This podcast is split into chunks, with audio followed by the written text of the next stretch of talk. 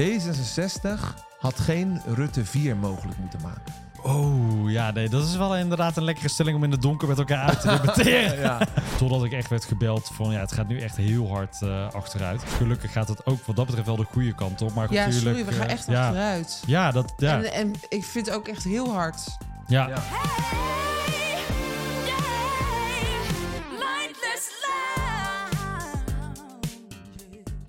Dames en heren, alles verder buiten en ertussenin. Welkom bij The Lightless Lounge. Met mij, Nikke de Jager. En met mij, Wes van Os. Hij kan een intro opnemen. In één keer. Take 3. Er zijn we weer. Nieuwe week, nieuwe kansen. We gaan helemaal eh, journalistiek doen. Nou ja, ik wil je wel even iets over kwijt. Ja.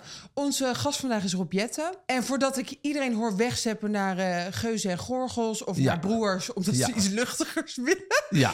Ehm, we zijn geen één vandaag. Nee, we zijn hier gewoon om Rob Jetten te leren kennen. Ja. En tuurlijk, we gaan het echt wel hebben over waar hij voor staat en waar hij in gelooft. Maar eh, ik wil vooral hem als persoon leren kennen. We delen natuurlijk een eh gemeen delen. We zitten allemaal in de regenboogfamilie. Ja. Dus ik wil vooral ook wel een Ik beetje dacht even, weten... waar gaat hij heen? Ja. Ja, waar we, eh, hoe het met de LHBTI-rechten staat. En wat we dan wel een klein beetje aan hem hebben. Maar wees niet bang hoor mensen. Verder geen hele hè, Nee. debatten, behalve de dark debate, als we er een kunnen bedenken. ja. nou, genoeg woorden. Ik zeg, we halen hem erbij. Oh nee, je doet weer deze naar mij. Ik kan het niet. Waarom kan ik... We halen hem erbij. Ik kan dat niet. Lights out. Welkom in de Lightless Lounge. Het is toch elke keer een moment. Het is toch heftig, hè? ja, spannend. Welkom in de Lighters Lounge, Rob. Ja, dankjewel. Wat vind je ervan? Het is eh, goed donker hier. ja. Het is gek, hè? ja, dat is wel gek. Maar ook wel leuk eigenlijk. Het lukt ons elke week weer. Ja, Eh, we zijn nu na zoveel zo. weken komen we steeds sneller bij het moment dat we minder hoeven af te plakken. Maar ehm, ja, en dan is het seizoen voorbij. en dan is het seizoen voorbij. Leuk dat je hier bent. Ja, thanks. Ehm, ik, eh, wij zeiden net eh, ge- gekkig in de intro van... oh, nu moeten we ineens journalistiek gaan doen. Maar dat, dat is alles wat we voor mij niet willen. nee. Nee, ik ben vooral heel erg benieuwd naar eh, jou als persoon, Rob. We weten natuurlijk allemaal bij welke partij je hoort. En waar je voor, nou ja, ook niet overal, maar waar je voor staat. Ja. Maar eigenlijk weten we van jou zelf vrij weinig. Nou, dat gaat dan in deze pikdonkere kamer helemaal goed komen, denk ik. Maar wie is Rob? Vertel eens over Rob. ja, nou ja, eh, ik ben Rob. Ik ben inmiddels alweer 36 jaar. Ik denk Ben jij vaak- 36? Ja, ja, ja, ja. Ik zei gisteren nog ergens 34. Ik ben daar gewoon blijven hangen. Ik wil niet meer erbij optellen. Oh nee, ik zou echt 36. nooit 36 Oh, thanks. Minder? Zou je Ja, zwaar Oh. minder. ja, ik ben inmiddels wel goed grijs haar aan het kweken. Maar ik noem dat mijn, eh, mijn George Clooney look. Dus dat eh, gaat ook helemaal goed komen. Eh, ik ben opgegroeid in, in Uden, in Brabant. Joh, Ja, zeker. Ja, wel Waar? bekend. Ja, op de Wijnkers. Dat is vlak bij de molen. De molen van Jetten. Ja, dat is mijn opa hebben geweest. wij een daar- molen? Ja, we hebben een molen in Uden. Ja. Staat die er nu nog? Die staat er nog. Ken je hem niet? Hebben wij een molen in Nou Uden? ja. Oké, Ja, maar hoeveel ga ik je keer weer naartoe nemen. Nee, maar hoeveel weet jij ook van Ude, Nicky? Weet je, Nou weet- ja, eigenlijk helemaal niet. Nee. Ik vind maar- het allerleukste. Dan komt iemand naar me toe. hey, ik kom ook uit Uden. Dan zeg ik, nou, wat leuk. Ja, kom daar. Nou, dan zeg ik, ja, ja een hele leuke buurt. Ik heb geen idee. Ik kom nooit buiten. Nou ja, we gaan een keer een secret tour doen eh, door eh, ons mooie dorp in Brabant. Nee, maar fami- familie woont er nog steeds, dus ik kom er ook graag. Eh, maar ik woon zelf alweer poeh, eh, 16 jaar of zo in Nijmegen. Super gezellige stad, een beetje de meest noordelijke stad van het zuiden. Ehm, en ja, daar ben ik blijven plakken na mijn studententijd. Eh, veel vrienden die daar wonen. Ik vind het ook heel fijn om in het weekend met mijn vrienden gewoon... ik noem dat altijd open deur en open koelkastenbeleid. Dus dat iedereen gewoon bij je komt binnenvallen. Oh ja. En dat je alles opeet en opdrinkt wat er in de koelkast eh, te vinden is. En vooral er een eh, gezellig weekend met elkaar eh, hebt. Eh, maar ik ben ook wel heel veel aan het werk. Dat is wel een groot Ja. nadeel van, eh, van dit beroep. En ja, ik moet echt vier keer in de week sporten om een uitlaatklep eh, te hebben. En ik heb een hele leuke vriend. Dus eh, die zorgt er ook voor dat ik met beide benen op de grond Maar wacht even, wacht, Wacht even. even. Vier, Ja, keer- oh. wacht even. Vier keer per week sporten? Ja. Moeten, van wie? Van wie moet Ja, dit? van wie? Nou ja, van mezelf eigenlijk. Maar dat is ook meer omdat ik... Ik word anders ook een beetje chagrijnig als ik... eh, want ik, ik moet natuurlijk heel veel zitten en heel veel praten de hele dag. Maar dan vind ik het heel fijn om gewoon even eh, ook ja, lichamelijk moe te worden. En dan ben ik... eh, ja, ik vind dus crossfitten en kickboksen... daar Oh ben nee, ik helemaal... je zegt ja, ook nog cross. Ja. sorry, sorry. Ja. Dat is echt een type mens apart. Maar hoe, doe je dat, hoe doe je dat met jouw agenda dan? Want jij, jij werkt volgens mij bijna zes dagen in de week, toch? Ja, ja, eigenlijk ja. Je bent eigenlijk zeven dagen in de week wel bezig. Je bent altijd wel aan het kijken van... oh, heb ik weer een telefoontje gemist? Of eh, wat is er nu allemaal weer binnengekomen? Ja. Maar ik probeer dan door de week... ja, dan ga ik echt om zeven uur s ochtends of zo sporten. Want anders dan komt het er niet van. Maar ik ben ook wel een... eh, ik kan heel goed tegen weinig slaap, dus dat is fijn. Hoeveel slaap je? Ja. Mm, nou, ik, meestal lig ik er rond 12 uur in en dan ben ik echt om 6 uur klaar wakker. En dan ga ik daarna dus meestal meteen even sporten eh, voordat ik eh, weer strak in pak naar kantoor eh, toe moet. Doe je elke dag een pak aan? Ja, ik vind dat zelf eigenlijk ook eh, soms eh, niet te doen. Eh, Maar waarom doe je ja, het dan? Het, het, hoort, ja, het hoort bij de functie, weet je wel. Als je dan minister bent, dan gaat het niet per se om jou, maar het gaat dan om de functie. Dus dan moet je er netjes uitzien en dan trek je maar weer een pak aan. Dat verwachten de mensen dan ook van je. Maar daarom vind ik het in het weekend ook wel lekker om eh, dan super casual te gaan. Of in eh, lekkere, extremere eh, prints en kleuren en outfits. om ook even wat gezelliger erbij te lopen. Maar ik, je ziet mij niet vaak in een donkerblauw of donkergrijs pak. Ik probeer dan wel eh, een, nog een beetje gezellige kleuren aan te trekken. We hebben ook helemaal niet veiliggesteld. Moeten we, moeten we eigenlijk u zeggen? Omdat je Oh nee, alsjeblieft Oh. niet. Oh, daar ben ik alsjeblieft. heel slecht. Nee. Ja, sorry. Nee, oké. dus we Nee, gewoon. Rob zeggen. En, Ja, alsjeblieft. Nee, ik krijg ook helemaal jeuk als mensen je dan de hele tijd eh, met minister en u aanspreken. Oh, dus dat, dit is, dat eh, neemt me terug naar. Ik had toen. eh, ik was uitgenodigd voor die lunch met, eh, Oh ja, met koning Willem-Alexander en Hare Majesteit Oh, ja. Max. Ja. Ik had Maxima natuurlijk al een keer ontmoet bij het Songfestival. Ja. En daar was ik ook heel slecht met u. Maar als je er dan voor een tweede keer ontmoet, Ja. wordt het nog erger. ja. Ja. En al die mensen die zeg maar bij me waren, ik werd ook naar voren geduwd van ja, maar jij hebt er al ontmoet, dus jij, ga jij maar Ga voor. jij maar. Oh ja. En eh, een van de allerleukste momenten blijft... koning en de koningin die wachten dan om het hoekje. De eerste moet zeg maar naar ze toe lopen en dan begroeten Ja. ze je. En ik zal nooit vergeten dat de koning zei... Ach, daar is ze. ja. En toen dacht ik, wat wordt hier gezegd over mij in Parijs? maar ook tijdens die lust, ik zei alleen maar je. En ik kreeg elke keer van die, van die, van die Side-eye. hele intense ogen. Dan dacht ik, Ja. oh, ja, oh, sorry, Ja, sorry. ja, ja. Jij Ja, mag volgens ook mij af en zijn toe de, de koning en de koningin ontmoeten, toch? ja, zeker. De koning is ook heel actief met alles wat met eh, klimaat en energie te maken heeft. Dus eh, we gaan eh, best wel vaak samen op pad. In Nederland, maar ook in het buitenland. eh, om eh, wauw. ja, daar eh, bijvoorbeeld alles wat met groene energie en groene waterstof te maken heeft. En dat, Ja. daar is de koning zelf heel gepassioneerd op. En dat is ook super leuk, want dan merk je dat ook ja, de ondernemers die erbij zijn of eh, mensen die je dan bezoekt, ja, die vinden het natuurlijk extra speciaal als de koning ook langskomt. Ja, En gek. eh, Nee, als dat dan helpt, ja, nou ja, het is toch. eh, en zolang we ze hebben, moeten we er ook goed gebruik van maken, zou ik zeggen. Ja. En heb je, verandert dan die band ook onderling als je vaker met elkaar op stap bent? Jawel, jawel Wordt het ik- informeler of blijft dat wel een beetje een formeel randje houden, zeg maar? Nou ja, eh, je weet natuurlijk zodra je inderdaad dan ergens in een zaal eh, binnenstapt eh, dat, eh, dat het zijn majesteit is. Ja. Dat het allemaal met eh, u en, eh, en Ja. dat soort dingen moet. Maar Ja. je hebt ook wel wat, eh, wat momenten dat je even met z'n tweeën bent. En dan wordt er gelukkig ook veel gelachen. Heb ik. Ja. Ja, ik heb overigens ook ja. zijn herinnering net als Nicky. Dat, het, dat was een staatsbanket met, eh, met India. Dus was de president Oh, van. India in Nederland op bezoek. En dan moest je ook allemaal één voor één zo aan hem worden voorgesteld. Ja. En die, eh, die president van India, de, dat was de vorige president, die is best wel al- op leeftijd was hij. Die werd aan mij voorgesteld door de koning. En die kon gewoon niet geloven dat iemand, ik was toen 34, dat hij al minister kon zijn. Dus die man die bleef Oh. maar mijn hand vasthouden. En echt tien keer bij mij checken. Bent u de minister? Ja, ik ben de minister. U bent geen butler. Ja. ja. Maar toch, we zijn nog vrij jong. Want het eh, kabinet over het algemeen en dat soort dingen zijn over het algemeen wat ouder nog. Ja, nee, in Nederland, eh, ik ben de jongste minister van, eh, van dit kabinet. En ik was ook lang een van de jongste Tweede Kamerleden. Het gaat wel langzaam aan de goede kant op. Maar goed, als je ook weer nu naar de Tweede Kamer kijkt, daar zitten vooral heel veel mannen, weinig vrouwen, Ja. eh, veel te weinig mensen van kleur. Ja. En je ziet ook dat jonge mensen dan ook weer sneller afhaken, omdat ze denken, ja, ik krijg het niet gecombineerd met mijn gezinsleven of wat dan ook. Ja. Ehm, en je wil ook dat het parlement een goede afspiegeling is. Dus tijd voor een nieuwe generatie, zou ik zeggen, na, na al die jaren Rutte. Ik hoorde jou net zeggen, eh, als ik niet sport, dan word ik chagrijnig. Hmm. Word je wel chagrijnig? Ik wil zo graag weten hoe het eruit ziet als Rob Jetten chagrijnig. Want over het algemeen ben jij altijd echt zo netjes. Ja. Wil je wel eens een keer echt lekker boos zien. Nou ja, dat, dat is wel een goede vraag. En, want ik ben bijna altijd eh, kalm, rustig, eh, vrolijk. Eh, maar als ik dan boos word, Ja. dan schrikken mensen ook wel. Want ja, als je heel veel met mij te maken hebt, dan denk je, oh, dat is gewoon een rustige, aardige man. Maar ik heb ergens ook wel lekker temperamentvol tikje. Dus dan kan het echt in één keer een enorme uitbarsting zijn. En dan spuurt het vuur ook wel echt uit mijn ogen. maar dan is het na vijf minuten of zo is het ook alweer over. En dan ben ik alweer weer verder. Maar dan zie je, ja, omdat mensen dan zo eh, geschrokken zijn van mijn uitbarsting, dan Blijven zij erin hangen. En wat zijn dan dingen, wat triggert jou dan om, om die status te bereiken, zeg maar? Ja, nou, waar ik heel slecht tegen kan, is als mensen al tien keer dingen aan je hebben beloofd, maar het nog steeds niet hebben gedaan. Of gewoon niet eerlijk daarover zijn. Dus als er wat is, zeg het dan gewoon. In plaats van eh, ja, dat je er geheimzinnig over gaat lopen doen. Ja. Ja. en ik word vooral heel kwaad als het gewoon uiteindelijk aankomt op eh, ja, dat mensen worden weggezet, gediscrimineerd, eh, worden uitgesloten. In mijn werk heb, gaat het dan vaak over. eh, over homohaat of over dat eh Marokkanen of moslims weer allemaal over één kam worden geschoren. En Ja. ja, dat, ik weet niet, dat triggert iets bij me dat ik echt meteen vanuit mijn tenen voel.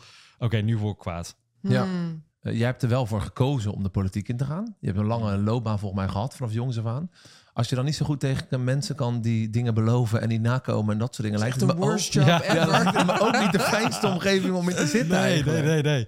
Ja, nou ja, dus de- ik heb wel ook echt hè, afgelopen zomer, toen, toen viel het kabinet, toen heb ik echt wel een weekend nagedacht van ja, wil ik dit überhaupt nog? Want Ja, ja, ik kijk zelf, ik weet niet hoe het met jullie is, maar ik kijk zelf s'avonds eh, bijna nooit meer naar die talkshows of eh, naar eh, debatten op tv, omdat ik er zelf ook gewoon doodmoe van werd een tijd. ja.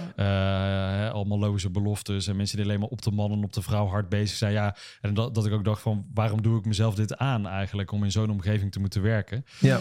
Eh, maar toen dacht ik ook, ja, weet je, ga, we gaan niet de cynische mensen laten winnen. Het is nou eh, dan ook, weet je, dan laten we dan ook als eh, de jonge garde ook laten zien dat het ook op een andere manier kan. ja. En ik heb toen ik minister voor Klimaat werd, maar ook gewoon voorgenomen, kreeg ik advies van, van Wouter Koolmees, die ook hier uit Rotterdam komt.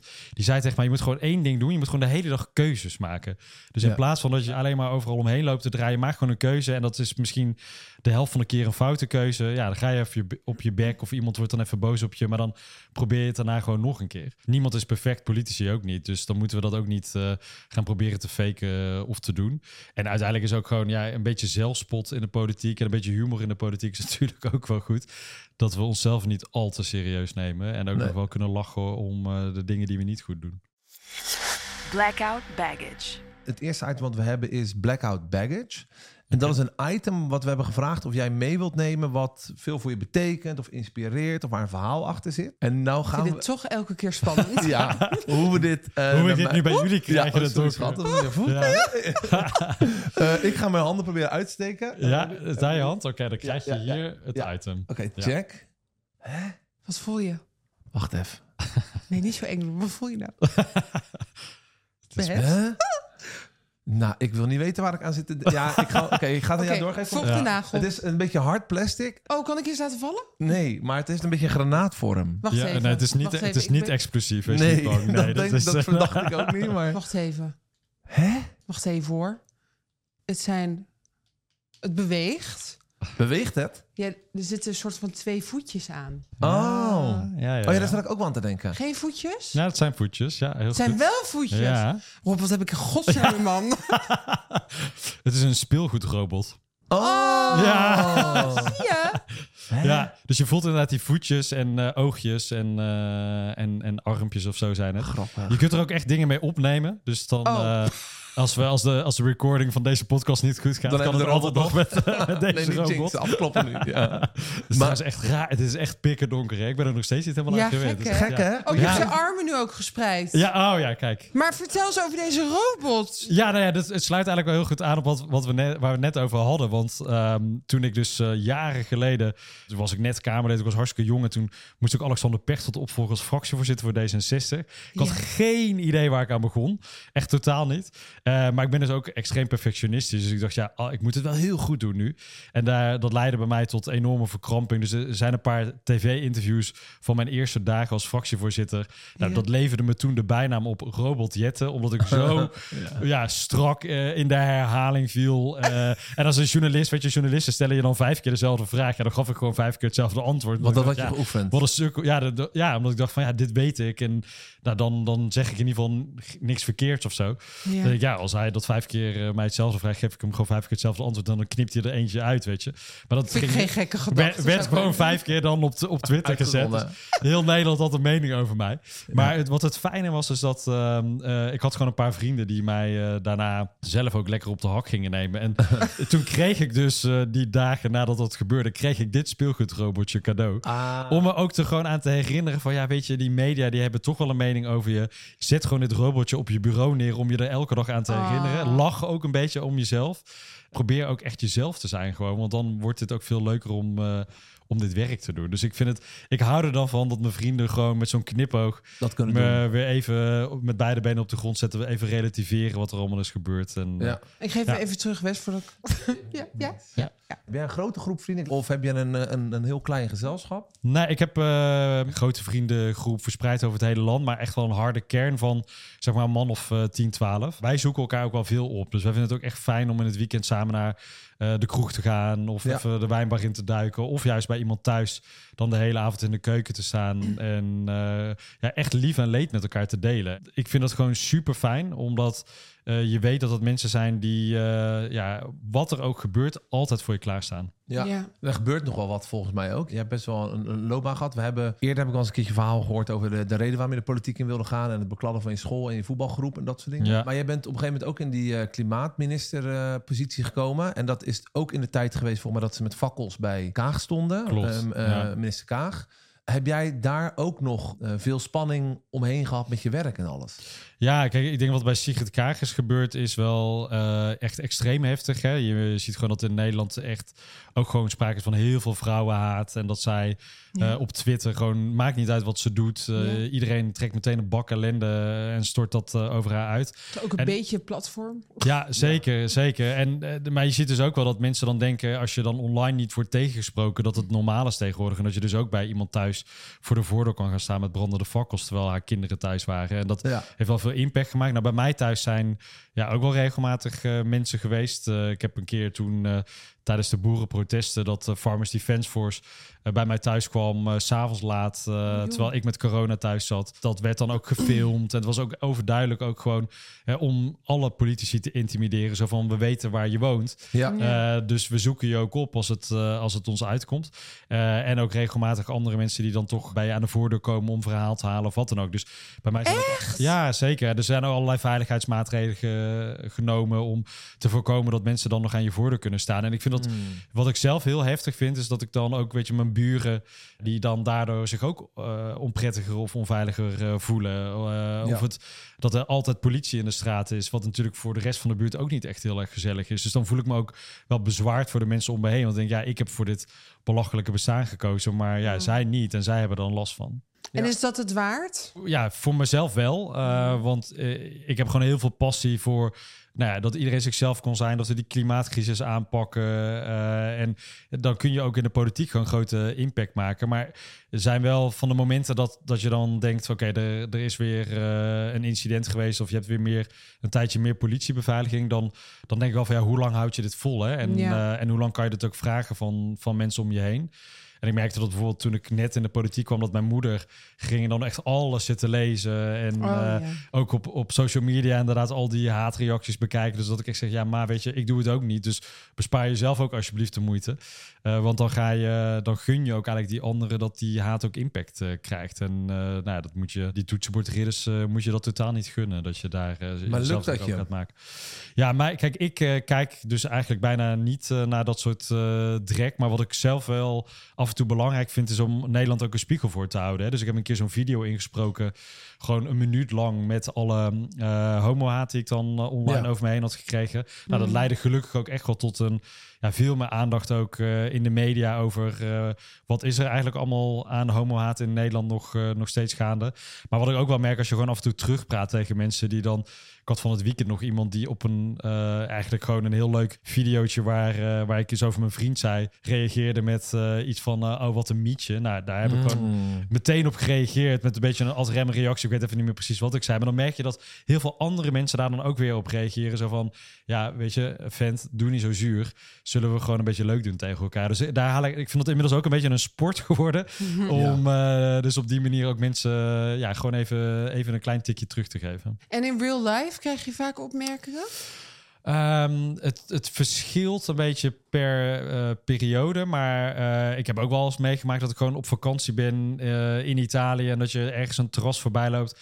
En dat daar iemand echt keihard begint te schreeuwen. En op je komt afgestormd om verhaal te halen. Nee. Ja, en, en dan zie je ook wel hè, moeder en kinderen dan echt zich helemaal daarvoor kapot schamen. En denken, oh, wat, wat gaat mijn man nu weer doen? Maar en, en in dit geval vond ik trouwens ook wel weer hilarisch. Hij was heel boos op mij dat ik met het vliegtuig op vakantie was. Maar ik was dus met een, ik was daar met een elektrische auto. Dus ik kon tegen hem zeggen, nou, ik ben met de auto en u. En hij Ja. was zelf met het vliegtuig gekomen. Dus Oh, echt? ja, dus hij stond ook wel staan met zijn bek vol tanden. Maar Ja. Ehm, ja, ik merk, daar, daar denk ik gewoon, joh, eh, als je wat van me wil, dan kun je het ook gewoon even rustig aan me vragen. En dan hoeft het niet meteen op die manier. Maar goed, je merkt ook wel eh, in Nederland met, eh, met uitgaan dat, ja, dat is niet altijd prettig. Of om, omdat mensen toch je eindeloos tegen je aankomen praten of eh, Ja. stiekem foto's staan te maken of wat dan ook. En dan, ja, ik denk dan ook meer van, joh, joh kom dan even naar me toe. Dan maken we even een leuke selfie samen in plaats van... eh, Achter de- ja, ja. dat het zo half stiekem of zo gebeurt. Oh ja, daar heb ik ook zo'n hekel Ja, nou ja, jij zal het nog veel Oh. meer hebben dan ik. Nou, dan denk ik, Dat laat me even weten, kan ik mijn buik intrekken? Kan ik, kan ik even mijn best goed doen? pakken. Kan ik even, Ja. goed, kan ik Ja. even goed een hoek geven? Nee, dan, Ja. dan zie ik mezelf als een of andere plork in de denk ik, nou, ik ga ook Ja. nooit meer uit eten. Maar ga jij wel dan met mensen op de foto als ze het vragen? Of denk je van, ik ben nu even privé? Ja, nee, ja. altijd. Ik, Ja. ik zou nooit nee zeggen. Maar ik, heb, ja, ik vind het ook veel fijner als je het gewoon even aan me vraagt. Ja. Ik kan me voorstellen dat het ook wat druk met zich meebrengt. Je moet dan bijvoorbeeld ook als klimaatminister helemaal perfect gedragen. Ja, je mag wordt op nooit alles vliegen. getoet. Ja, je mag nooit vliegen. Je mag Ja. nooit. Hoe, hoe, hoe ga je om met die druk? Nou ja, ik, ik snap wel dat mensen ook vinden dat eh, een minister voor Klimaat het goede voorbeeld moet geven. Eh, dus dat probeer ik ook echt wel te doen. Eh, maar ja, wij zijn ook niet perfect. Hè? Dus Nee. ja, er is vast ook heel veel op mij aan te merken. Als we allemaal gewoon een klein beetje beter ons best doen, dan kunnen we die wereld al een stukje mooier maken. En het is denk ik vooral mijn taak om ervoor te zorgen dat eh, de, de echt grote jongens, eh, vervuilende bedrijven en de, en, en de overheid flink worden aangepakt. Ja. En mensen thuis vooral eh, goede tips en, en lekkere subsidies krijgen om het ook, ook mee te maken. Ja. Maar ja, weet je, ik, ik eet bijna altijd vegetarisch, maar ik vind het soms ook lekker om een stukje vlees of vis te eten. Ja, dat is ook geen ramp als je maar er eh, bewustere keuzes over maakt. Ja. En een van de dingen die ik zelf echt de afgelopen paar jaar heb geleerd trouwens, is, heeft echt met kleding te maken. Want dat wordt vaak natuurlijk echt eh, super slecht eh, gemaakt met eh, slechte arbeidsomstandigheden. Of dat we het één keer aandoen en dat het daarna weer eh, bij het vuilnis komt. Ja. Eh, dus ik probeer zelf echt wel na te denken over wat voor kleding koop ik eh, en eh, heb ik het echt nodig of niet. Oh ja. Maar dat is echt iets wat ik weer van anderen heb geleerd. Dus zo kun je Ja. ook weer de anderen laten inspireren. Nou, en het, en het, het debat zeg maar, over eh, eh, klimaatverandering. En ehm, het wordt zo gebracht alsof je ehm, in extreme Hmm. perfect gedrag ver- eh, verwacht gelijk. Maar er zit natuurlijk ergens wel nuance in. Want wat je zegt is, als je het met z'n allen wat minder doet, Ja. dan helpt het al heel erg. Ja, nee, exact. En eh, we, we willen allemaal ook gewoon een leuk eh, en prettig leven hebben. En dat kan ook op een, op een duurzamere manier. Alleen daar hebben we soms gewoon even wat praktische tips of, of hulp bij nodig. Ja, En het heeft ook geen zin als we elkaar dan enorm gaan zitten beoordelen de hele tijd op, op wat de ander aan het doen is. Hè? Het is ook veel leuker als je elkaar gewoon een beetje ja, positief kan inspireren en stimuleren. Heb je nog dromen? Ja, ik zeg zelf altijd, ja, toen ik vroeger eh, klein was, hè, als je dan vroeg wat wil je later worden, dan dacht ik altijd, ja, ik wil, ik wil de horeca in. Dat vind ik echt eh, Horeca, hè? Ja, dat is echt totaal wat anders. Maar mijn droom is eigenlijk gewoon een leuke kleine strandtent waar je gewoon de hele dag binnen kan lopen en eh, lekker kan eten, lekker kan borrelen. in En Nederland. gewoon een gezellige. Nou ja, wel het liefst waar het lekker warm is. Maar dan, niet gaat in Nederland. Ook wel een goede kant op natuurlijk. Ja, ja. Maar nee, ja, dat heb, ik heb dat altijd wel. Ja, mijn opa en oma zijn, komen, zijn ook horeca-ondernemers geweest. Dus misschien dat het gewoon een beetje in mijn, in mijn DNA zit. Ik hou gewoon heel erg van, van gezelligheid en gastvrijheid. Dus ja, ik denk dat het ooit een keer zoiets gaat zijn. En juist niet dat enorm gejaagde leven of zo wat ik nu heb. Maar veel meer gewoon eh, lekker op één plek. eh, waar mensen binnen kunnen lopen en een, eh, en een dan gezellige sta je achter de bar. hebben. Ja, dan ben ik denk ik wel. Ik ga dan niet in de keuken staan. Ik kan wel een beetje koken, maar ook weer niet zo goed dat je dat de hele dag aan het doen bent. Ja, dat zou ik echt wel inderdaad eh, leuk vinden om mensen gewoon te ontvangen en eh, een praatje met ze te maken. Oh, dat had ik nooit verwacht. Nee, Rob ik kan ook echt kan goed met veel borden lopen en eh grote bladen bier dragen. Ja, zeker. Dus eh, ik ben in te huren in weekenden voor feesten en partijen. The Darkest Hour. Nou ja, het spreekt eigenlijk voor zich, maar daarin vragen we af of jij ooit ja, iets hebt meegemaakt dat echt bij is gebleven, wat echt gewoon niet leuk was. Kijk, ik, ik ben natuurlijk door mijn werk ook echt dag en nacht eh, altijd alleen maar bezig. En eh, veel in Den Haag en noem het allemaal op. Maar ik kom dus uit zo'n eh, echt zo'n hele fijne familie waar opa en oma ook echt ja, de kern van, eh, van de familie zijn. En waar je gewoon één keer in de week eh, langs gaat met z'n allen om daar eh, gezellig te zijn. Maar ik heb ook in mijn jeugd heel veel bij hen thuis doorgebracht. En op een gegeven moment gingen zij met z'n twee, ze waren 70 jaar getrouwd. Super lief en romantisch, maar dik in de 90. Dus gingen ze allebei op een gegeven moment qua gezondheid heel hard achteruit. En ik dacht de hele tijd, ah joh, komt wel goed, komt wel goed. Ik kan nog wel een dagje doorwerken. Totdat ik echt werd gebeld van, ja, het gaat nu echt heel hard eh, achteruit. Hmm. En dat ik, nou, toen ben ik dus naar Uden gereisd eh, om eh, daar nog te zijn. En heb ik de laatste twee dagen dat mijn oma nog leefde aan haar sterfbed gezeten. om haar dan ja, in haar darkest hour, zeg maar, zoveel mogelijk bij te staan. Maar ik vond het.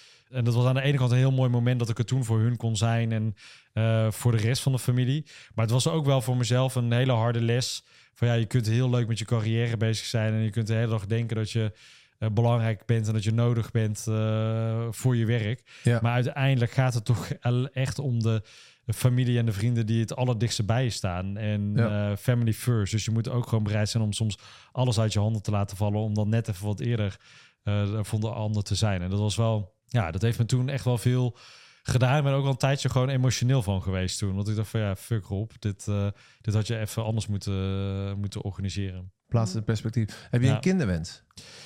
Eh, nou, eh, steeds meer eigenlijk. Ja. Oh, Ja, ik merk het vooral doordat uh, ja, mijn zusje heeft twee hele leuke zoontjes.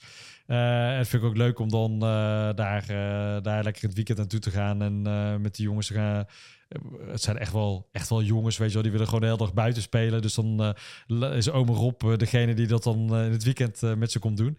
Maar daar, ik krijg er ook zoveel plezier van. En dus dan denk ik, ja, het is misschien toch wel, wel leuk. Ja. Maar we hebben het net wel heel lang over gehad van, ja, hoe gaat het met emancipatie en Ja. homo-acceptatie in het land? En denk ik ook van, ja, wordt het ook, uh, is het ook leuk om uh, Ja. over tien jaar dan uh, met twee mannen ook kinderen te hebben? Ja. Maar ja, ik denk dat wij met z'n tweeën dat wel heel leuk zouden kunnen. Maar het is nu nog veel te pril om daarover na te denken. Nou, Dus, en kan je het misschien ook meer mogelijk maken? Want de, binnen de mogelijkheden die je hebt als same-sex koppel... Zeker, ja. is het in Nederland toch wel weer beperkter dan bijvoorbeeld in Amerika of weet ik Ja. veel wat. En niet dat dat land het voorbeeld is aan alle dingen, maar daar is het bijvoorbeeld wel progressiever in. ehm, Draagmoederregelingen Ja, dat draagmoederregelingen, dat soort dingen. Ja. Daar moet ik met mijn vriend dadelijk, als wij wel een kinderwens hebben, denken wij ook over na om dan uit te wijken naar zo'n land in plaats van dat we het in het progressieve Nederland kunnen doen. Ja, nee, ja, dus dat moeten we ook gewoon gaan fixen. Een van de dingen die bij D66 in het programma staat, gewoon een goede draagmoederregeling. eh, Ja. Zodat iedereen die gewoon een liefdevol gezin wil stichten, dat eh, ook, eh, ook kan doen. Ik ben gewoon een enorm familiemens en ik vind het ook leuk bij vrienden, eh, veel vrienden die nu kinderen krijgen. Dan ben ik ook wel vaak, eh, eh, je kunt mij gewoon eh, bellen om eh, even Op te bij te springen. Ja, vind ik leuk. Wij willen onze sponsor van deze week, Anastasia Beverly Hills, opnieuw bedanken. We organiseren een geweldige giveaway-actie met hun ter waarde van 1000 euro. Een fantastisch pakket met make-up plus 500 euro cash. Money, money, money. In het pakket zitten voor mij heel veel producten van Anastasia Beverly Hills. Ze hebben jouw brows teruggegeven, maar ook wimpers. Ook wimpers. Ja, ja, jawel. Ze hebben de Lash Sculpt Mascara gelanceerd. Prachtige mascara. En het mooie aan deze mascara is, is dat je hem eigenlijk een beetje moet opbouwen. Dus meerdere laagjes. Hoe meer, hoe mooier. Dat is bij andere mascara's niet zo. eh, Hè? Dan denk je, stop maar. Ja. Hier niet. Nee, dus ook als je van niet zoveel houdt, dan kan je het wel gewoon mooi opbouwen. Je kan het blijven layeren en dan worden ze steeds mooier en dikker... zonder dat je van die spinnenpoten hebt. Spinnenpoten. Ja, want wie wil nou spinnenpoten? Nee. Nee. We hebben een foto van het pakket op onze Instagram gezet. Om mee te doen, reageer en tag een vriend onder deze foto die jouw make-up maatje is. En volg Instagram van ons uiteraard, plus de pagina van Anastasia Beverly Hills. Na acht afleveringen te hebben uitgezonden... kiezen wij samen live op Instagram een winnaar. Jij zei uh, tussen neus en lippen door van, uh, ja, dan vertel ik over mijn nieuwe vriend. En dan uh, krijg ik weer een homo berichtje of weet ik veel wat. Een hele knappe vriend. Oh, dankjewel. Vind hele ik ook. knappe vriend. Ik mag hem niet meer bij zijn bijnaam noemen, heeft hij tegen me gezegd. Oh ja, dat is jullie uh, dingetje. Ja, zeg dus maar. dat doen we dan nog één keertje. Zullen we dat doen? Gewoon? Ja, dat het leuk is om hem een beetje te plagen. we- ja. ja. De, de hockeyhunk. De hockey. ja. wel goed voor de, voor de headlines. Dat is wel goed beschrijvend. Hij heet Nicolas. Heb ik hem beloofd dat ik hem gewoon bij zijn voornaam zou Eh, uitspreken. Nicolas. Ja. Ben je vroeg uit de kast gekomen?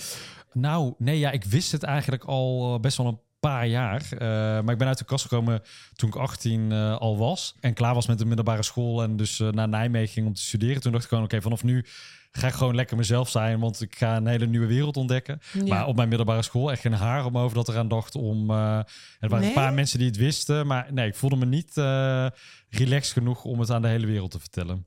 Maar is het omdat je nog twijfelde of wel dat je het wist, maar dat je dacht, ik durf het niet te vertellen? Nou, ik, ik twijfelde niet meer. nee, dat had ik, ik had aan allebei de kanten wel voldoende ontdekt om te weten.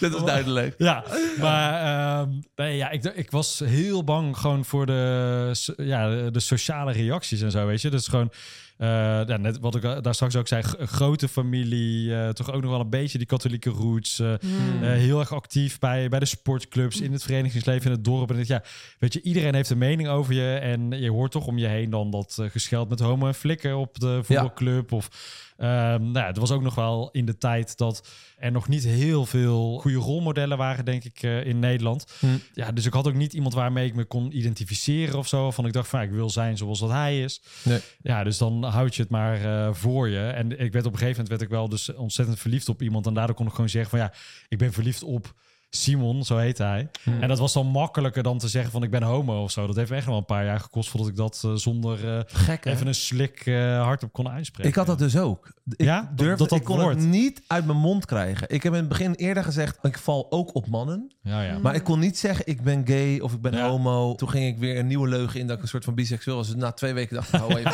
dit is het ook niet. Ja. Maar ik kon het niet, omdat ik zo'n negatieve associatie had met het woord gay of homo. Ja. durf- kon ik het niet uit mijn strot krijgen. Ja, nou, ik ben dus een tijdje geleden op mijn oude, oude middelbare school terug geweest. Want ik was uitgenodigd om daar met het eh, GSA-netwerk te gaan eh, praten. Dat is eh, Ja. zo'n netwerk ja, voor LHBTI'ers die gewoon ehm, ja, met elkaar over willen kletsen.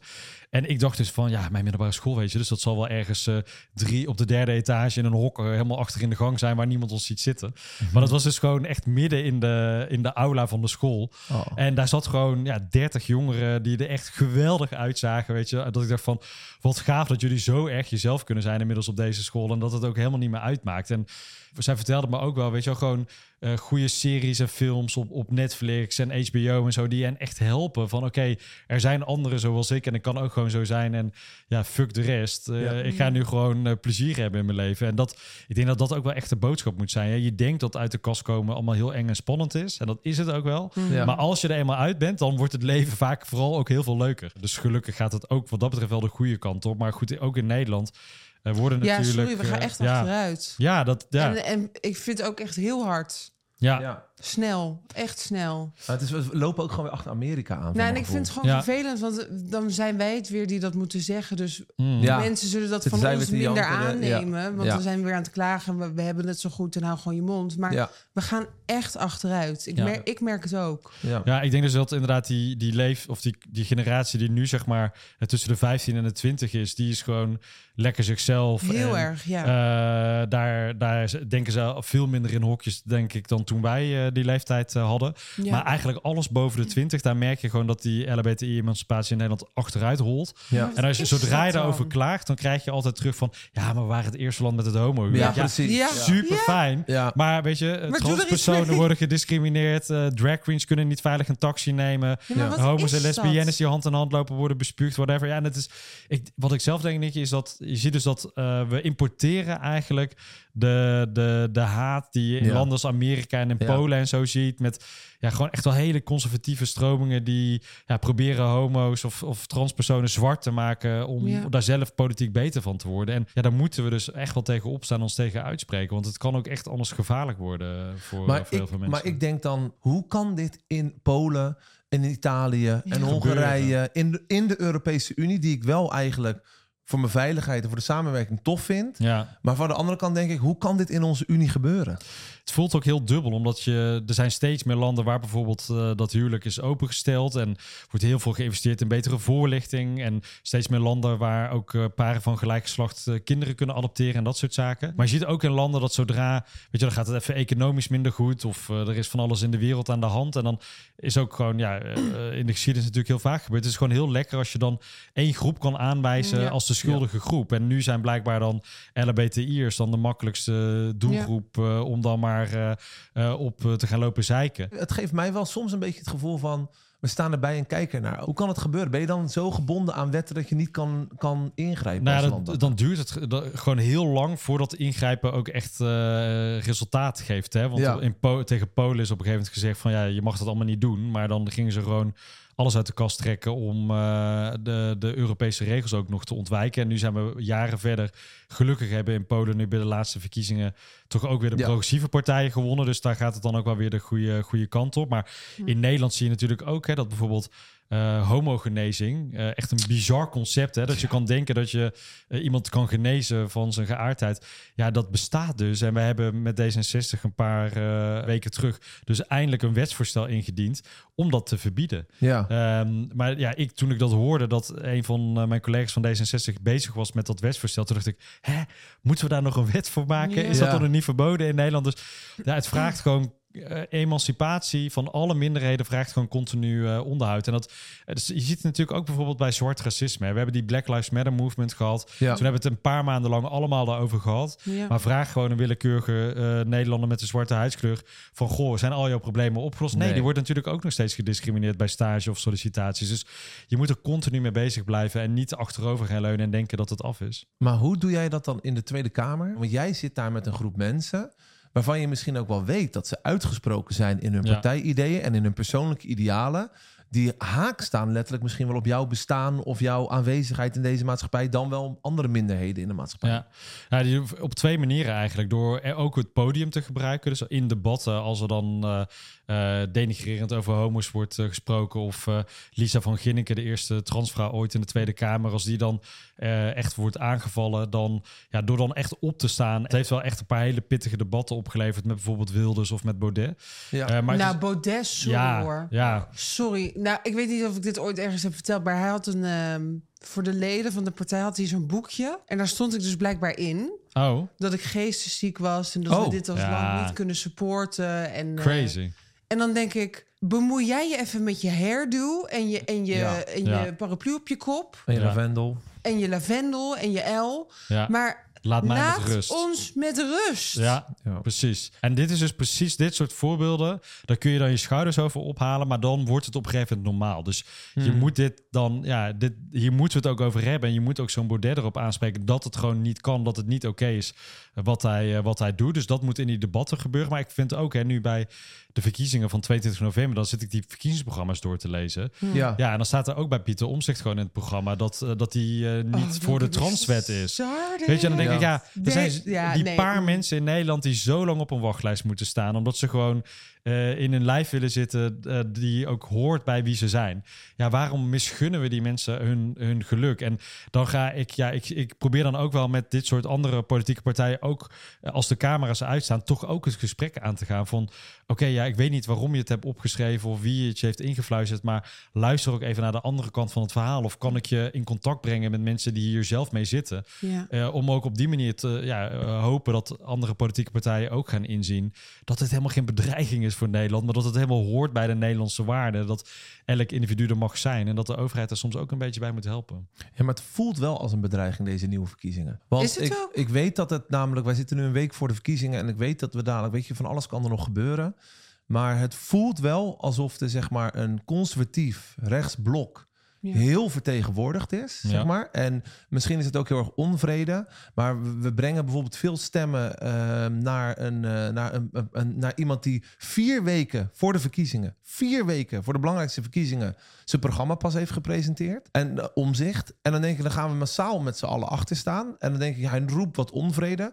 Maar ik zie vrouwenrechten niet terug in het programma. Ik zie abortus zie ik niet vertegenwoordigd. Ik ben bij mezelf. En ik zie alleen maar hamer op die grondwet. Het voelt voor mij een beetje eigenlijk engig. Ja, en, en gelukkig hebben we eh, onlangs nog in de grondwet ook eh, de, de rechten van eh, seksuele minderheden weten te verankeren in artikel 1. Dus de grondwet is in ieder geval al betere bescherming daarvoor. Ja. Maar je ziet inderdaad, ook als je gewoon naar het stemgedrag kijkt van partijen de laatste jaren, dat ook eh, eh, abortusrechten eh, en andere vrouwenrechten ook steeds meer onder druk komen te staan in Nederland. En dat is jongens, ja, toch dat kopiëren van wat er in Amerika. Is gebeurd. Ja, Dus deze verkiezingen gaan ook wel over de vraag van zijn er nog genoeg progressieve krachten die ook voor die emancipatie kunnen opkomen. En ja, regenboogstembursakkoord, daar wordt het altijd door het COC gemaakt met ja, zeg maar tien acties die we dan de komende jaren kunnen gaan doen voor die LHBTI-gemeenschap. Ja, mijn handtekening staat eronder, maar zeker niet van alle politieke partijen. Dus ja, ik zal er in ieder geval ook in die volgende Tweede Kamer voor knokken dat we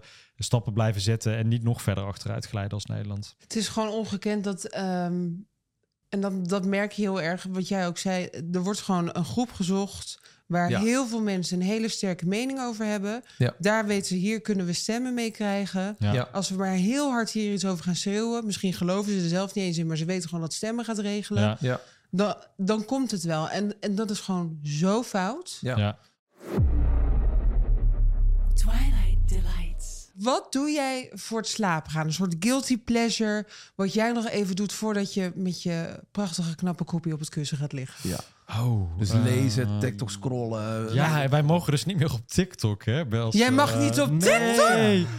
Nee, dat zijn eh, hele strenge regels nu vanuit de overheid. Dus dat mis ik wel, want Oh, dat, deed ik ik wel voordat ik erop ging. Oh shit. Dus scroll- dan heb je reels. Mag je wel op Ik- reels? ja, ik scroll dan wel door de Oh, dus reels en zo. Dus dat drie is een, maanden eh, later. Ja, ja. ja, precies. Voel ik me een ontzettende boomer. Dat ik dan opeens ontdek Ja. dat er een of andere trend is. Nee, Ehm, nee ik, ja, ik, ben, ik heb heel erg de midnight snack neiging.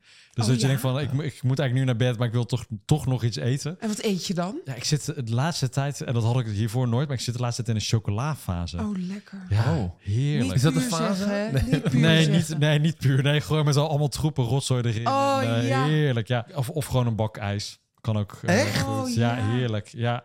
Maar daarom ga ik dan s Vier ochtends keer in de vroeg week weer sporten, sporten, om dat er eh, weer af te Ja, krijgen. ik doe dus die bak ijs wel en dan sporten niet. Dus dat is het verschil misschien. Nou ja, maar gewoon heerlijk toch? Ja, ik hou Ja. van ijs. Ik ben echt een ijsmonster. Nou, en mijn vriend is dus, hij is Argentijn, dus die hebben echt een totaal ander ritme. Dus dat betekent, wij gaan echt pas om eh, half tien s'avonds eten. Oh, Eh, echt? ja, en dat vindt, en dan vindt hij het al eh, net kudde, zeg maar, qua tijdstip. Oh.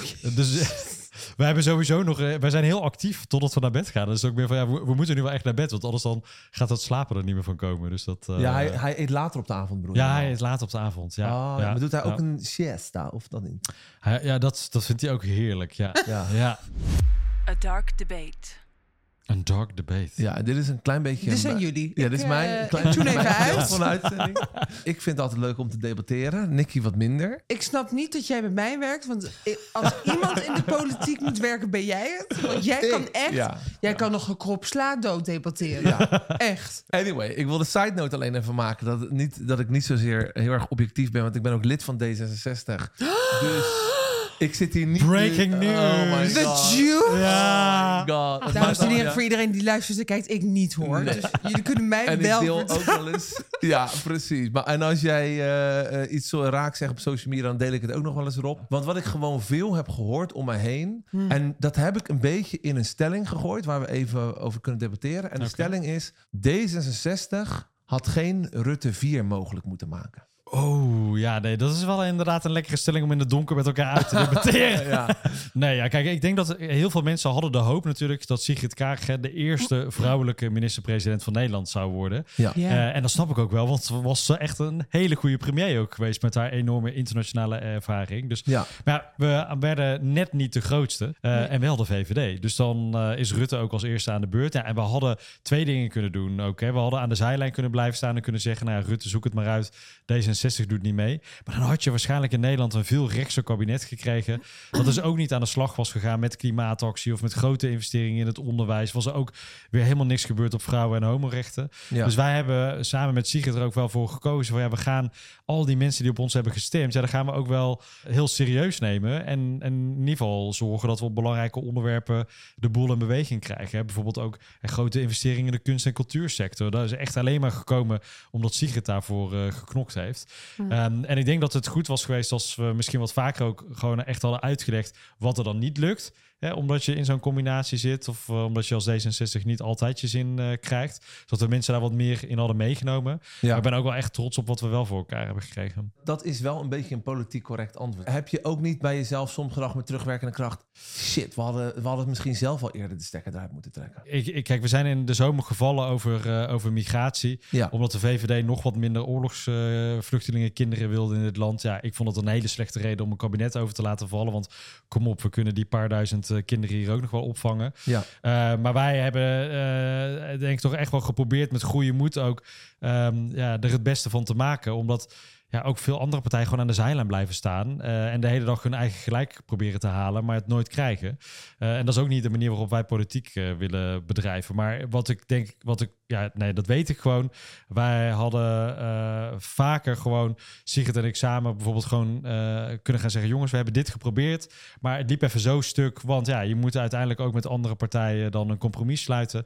En ook gewoon meer uit te leggen hoe die politiek dan precies werkt. Want ik denk Ja. dat dat het ook is. En mensen zien de hele dag wel al die ruzies in die Tweede Kamer. Ja. Maar uiteindelijk niet. De, wat is dan de reden waarom dan uitkomst eh, A of B eruit is gekomen? Ja. Ja. en daar wat transparanter over zijn. Ik denk dat dat enorm had geholpen als we dat meer hadden kunnen doen. Even een berichtje tussendoor. Naast deze podcast hebben wij ook een cosmetica-merk. Nimja by Nikki Tutorials. That's me. Skincare en make-up producten voor beginners of gevorderden. En het merk is genderless, dus ook voor de mannen onder ons. Regelmatig hebben we ook mooie acties met bundels waar je heel veel voordeel in kan vinden. Bekijk het nu op www.nimja.com. N-I-M-Y-A.com. Groen! Ik heb als outsider ook nog wel een- misschien een pikant vraagje. Ja. Jij zegt net, Sigrid heeft, heeft D66 echt heel erg laten groeien. Maar heeft ze D66 misschien ook een beetje kapot gemaakt? Nou ja, kijk, zij heeft wel echt zoveel eh, moeten opofferen ook de afgelopen jaren. Hè? Eh, eh, privé eh, Mm. natuurlijk ook. Dat het voor haar niet altijd makkelijk is geweest om ja, gewoon met volle overgave partijleider te zijn. Dus ik neem het dat haar totaal niet kwalijk of zo. Ik denk dat zij heeft echt alles gegeven voor Nederland en ook voor D66. Ja. Maar na al die jaren Rutte merk je gewoon dat ja, alle kiezers in Nederland zijn ook op zoek naar... oké, wat gaan we de komende jaren met elkaar doen? Ja. Eh, dus ook wel, weet je, en de, de- op 22 november gaan we naar het stemhokje... en dan begint elke partij weer op nul zetels. Ja. En ik hoop dus dat ik en met een hele positieve en optimistische campagne voor Nederland... ook weer van heel veel mensen dat vertrouwen krijg. En eh, ja, met die, eh, ja, als nieuwe generatie het ook nu weer anders kan gaan doen de komende jaren. We hebben ook nog wat luisteraarsvragen gekregen. Ja. Eh, eentje was eh, van eh ene Nicolaas uit Argentinië. Oprecht, wie is je favoriete ehm eh, hockeyspeler? ja, dat is Nicolas Keenan eh, Ja. eh, van Klein Zwitserland in Den Haag... en van het nationale elftal van Argentinië. hey, Ah. dat is toevallig, die kennen Ja. we. En dan zijn we het andere Vooral, vragen. hij kan, vooral omdat hij zo goed kan hockeyen natuurlijk. Hè? Ja, ja. Ja. De, de beste. ja hoor. Ja, ja, Ja, ja, hoor. Ja hoor.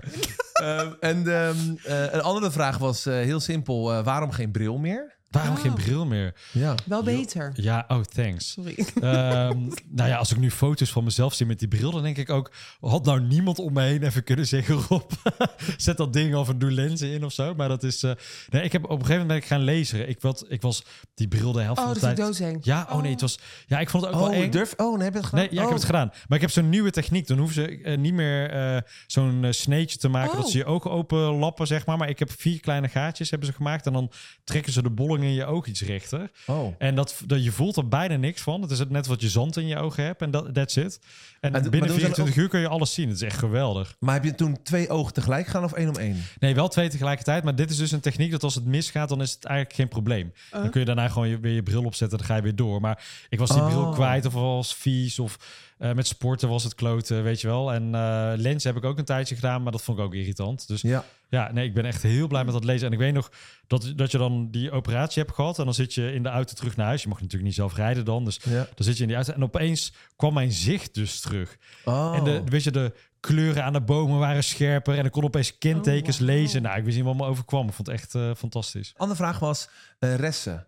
Is Ressen nog Wat is? Ressen? Ressen is een samenvo- eh, samenvoeging van eh, Rob en Jesse Klaver. Dat was toen een soort van bromance eh wat Oh, ja? gebracht. Ja. Is dat nog? Nou, eh, het, het schijnt de laatste tijd weer op te komen. Dus Oh, het is weer een beetje terug. Ja, we zijn toen eh, viral gegaan op, eh, op TikTok met name. En we waren, nou, ik vind het zo fascinerend. Er waren dus gewoon twee Nederlandse politici die, die zogenaamd een bromance hadden. Nou ja, Jess en ik kunnen het goed met elkaar vinden. Dus wij hadden in de Tweede Kamer wel eens, weet je, dat we even leuk zonder te lachen of een knipoog naar elkaar deden. En daar heeft iemand echt superveel leuke compilaties van gemaakt met romantische muziek eronder. Maar Dus is dat nog? Nou, dus afgelopen week is er een foto van ons twee gemaakt. Nou, Oh, toen ging het meteen weer helemaal los. Ja. Eh, dus ja, wie weet. Maar ja, ja, we kunnen het gewoon goed met elkaar vinden. Dus het, we hebben er zelf ook wel hard om gelachen. Maar dat het wereldnieuws zou worden, dat hadden we allebei niet gedacht.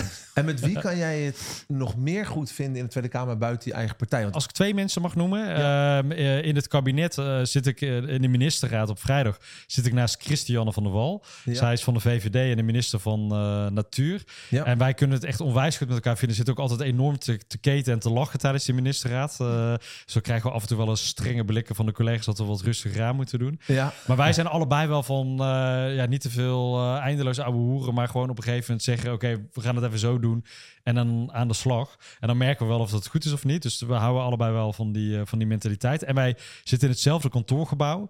En soms heb je ook dat je, je weet dan gewoon, oh, de collega heeft echt een kutdag gehad nu. ja. En dan loop je gewoon even die kant op met een bak koekjes of zak M&M's. En dan gaan we gewoon even 15 chillen. minuten met elkaar chillen. En de andere, en die ga ik heel erg missen, is eh Savannah Simons van Bij 1. Oh ja. Nou, wat Ehm, leuk. Ja, zij gaat stoppen. ja. En ehm, ja, ik heb met haar samen echt heel veel gedaan eh, rondom eh, racisme, discriminatie en eh, het slavernijverleden. Ja. Eh, en dat zijn echt een paar hele mooie, intense debatten geweest die we hebben gehad. En eh, eh, nou, Rutte heeft ook wel eens gezegd dat een van de momenten die hij nooit zal vergeten is dat hij, ja, toen hij door mij en Sylvana Simons echt helemaal klem werd gezet eh, over hoe hij tegen het slavernijverleden aankeek. En, eh, en dat leidde dan bij Rutte tot, ja, dat hij zei, ja, ik zit fout en we moeten het eigenlijk anders gaan doen. Dus het kan wel ook in, in Den Haag. Ja. Ehm, en ja, zij heeft ook wel, denk ik, voor heel veel andere eh, mensen met een eh, Caribische of Surinaamse achtergrond, eh, ja, gewoon echt wel het glazen plafond doorbroken. Ja. eh, om ook meer kleur in de kamer te brengen. En daar ben ik haar eeuwig dankbaar voor. En ik ga er ook gewoon mis, omdat ze een fijne collega was. Eh, kort, door de, kort door de bocht. ehm, je, je, er komen verkiezingen uiteraard aan, 22 november. Yes. Wanneer ben jij tevreden met de uitkomst van de verkiezingen? En hoe ziet die uitkomst eruit? En niet politiek correct. nu. Nee, Nee. Gewoon want dan dat zou je niet meer wanneer doen. ben je tevreden? Ja, Nou ja, ik ben zelf tevreden als, we, als wij als D66 gewoon eh, dik in de dubbele cijfers eh, zetels hebben gehaald. Ja. Eh, en ik hoop vooral... eh, maar is het in een kabinet of in de oppositie? Oh ja, nou daar ben ik nog niet over uit hoor. Kijk, wij gaan als D66 alleen in een kabinet zitten als we ook eh, goede progressieve en groene dingen kunnen doen. Ik Ja. ga niet in het kabinet zitten puur om, eh, om Dus een baantje te regelen of zo. Nee, dan ga ik liever in de Tweede Kamer zitten en gewoon strijden voor mijn idealen. Ja. En wanneer ben je niet tevreden? Oh ja. Ja, Wanneer denk je, dit is echt een kutavond?